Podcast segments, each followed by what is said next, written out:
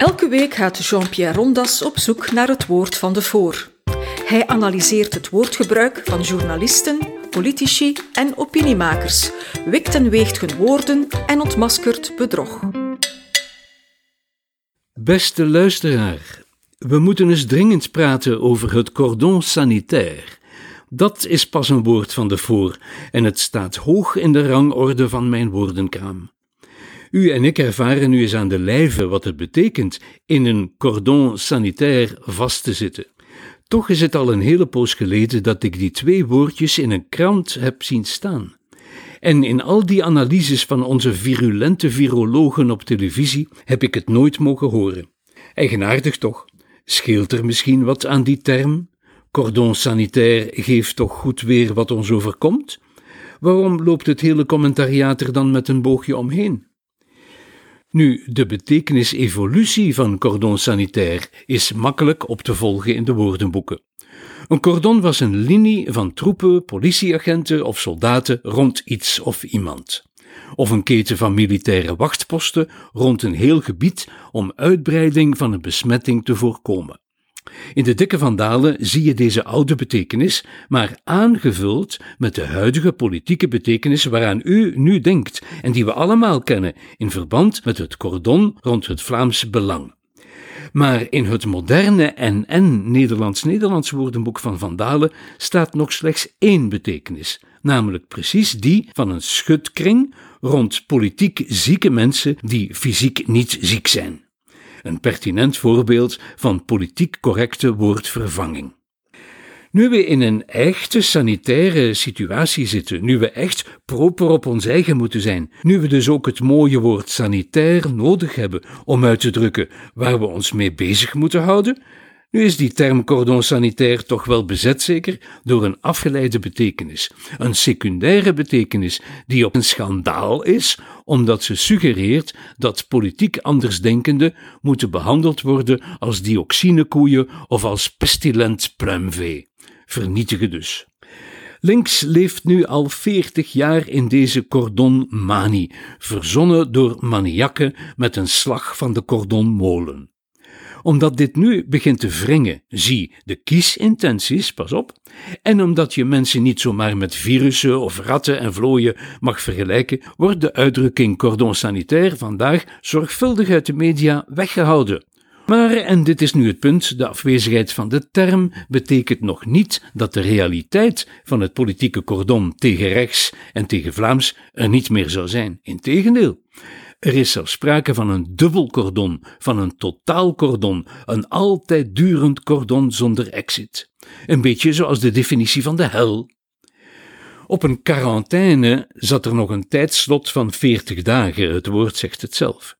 En zelfs de lockdown, dat Amerikaans-Engelse woord, waarvoor we maar geen Nederlands equivalent vinden, en dat oorspronkelijk betekende dat gevangenen bij rellen elk apart in hun cel moesten blijven zitten, ook voor onze eigenste lockdown zoekt de regering al na 40 dagen een exit. Maar op een politiek cordon sanitair in België staat geen maat. Daar wachten de bewakers gewoon tot de opgeslotenen dood zijn, zoals die man bij Kafka die aan de poort wacht tot hem wordt opengedaan en die, zonder dat de poortwachter al die jaren ook maar een vin heeft verroerd, van ziekte en ouderdom sterft. Of beter, sterft door het virus, niet het coronavirus, maar het cordona, het cordonvirus. Daarop wacht La Belgique. Politiek gezien, beste luisteraar, is er in deze Belgische staat maar één groot probleem. Niet corona, niet ongelijkheid, niet de armoede, niet de opwarming van de aarde, maar het puur fysieke bestaan van NVA en vooral van die degoutante persoon van Bart de Wever. Dit probleem kan samengevat worden in twee woorden: quid NVA, Latijn voor maar wat met NVA. U herinnert zich beslist dat andere woord, ja, juist de schootnota van Jean-Luc Dehane, die in augustus 2007 in zijn wagen op weg naar de koning een getypte nota op zijn schoot had liggen, waarvan de laatste twee woorden luiden quid NVA. Dat en niets anders is het enige echte politicum van La Belgique. En omdat het om een algemeen Belgisch probleem gaat, ligt het antwoord op de vraag quid NVA in handen van de Franstaligen.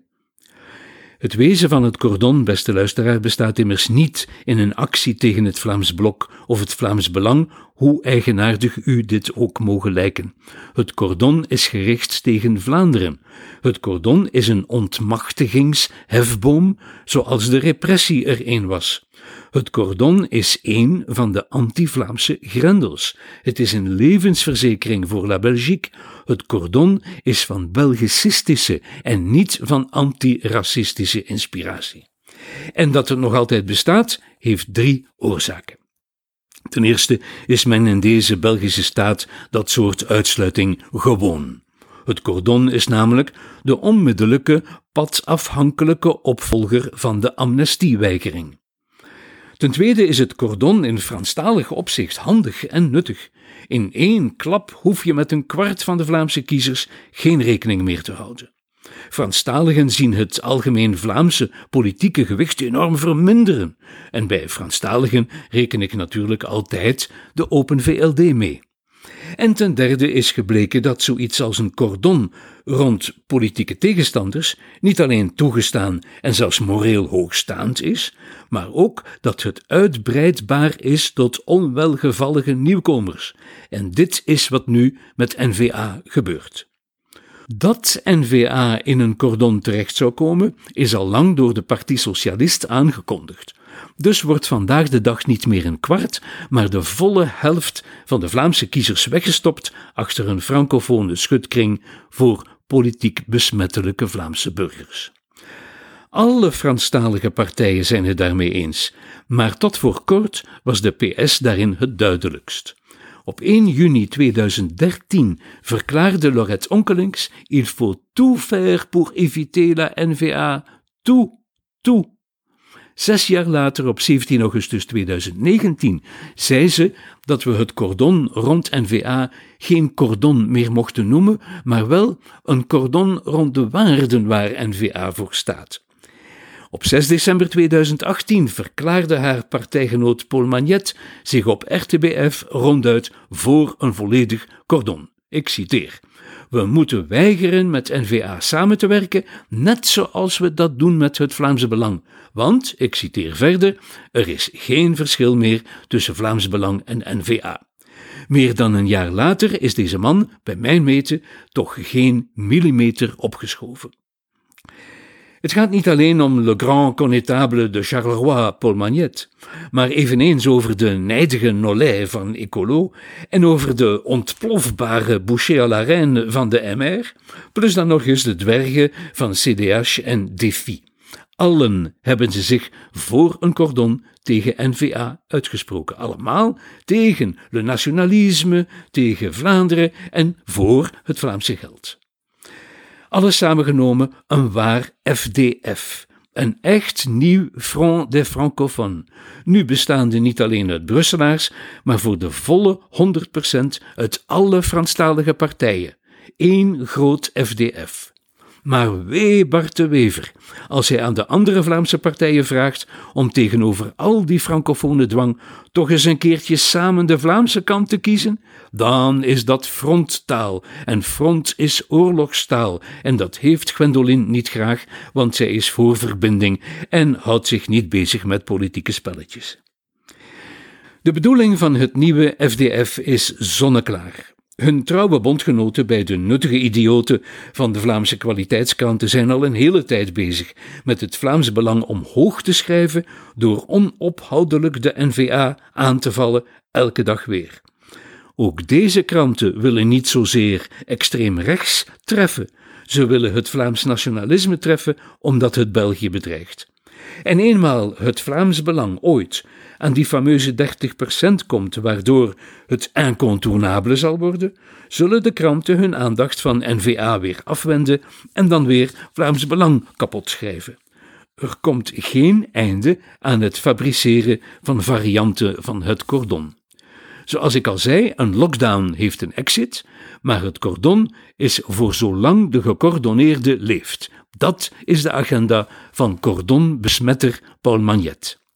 En dan kan de Vlaamse beweging en met haar heel Vlaanderen het voorgoed vergeten. Dan komt herfederalisering. Dan belet niets het nieuwe FDF nog om België tot het laboratorium van Europa te maken. België als laboratorium, dat is altijd al het ideaal van naïeve Belgicisten geweest. Maar het is in feite een laboratorium waar een heel vies virus wordt gekweekt. Niet het coronavirus, maar het cordonvirus dat altijd muteert en altijd weer ontsnapt, tot het telkens weer nieuwe generaties politici aansteekt. Magnet, Nollet, Boucher à la Reine en ons Gwendolin niet te vergeten. Dit was een episode van Doorbraak Radio, de podcast van doorbraak.be. Volg onze podcast op doorbraak.be/slash radio of via Apple Podcasts, Overcast of Spotify. Bezoek ook onze website op doorbraak.be en steun ons door een vriend te worden van Doorbraak.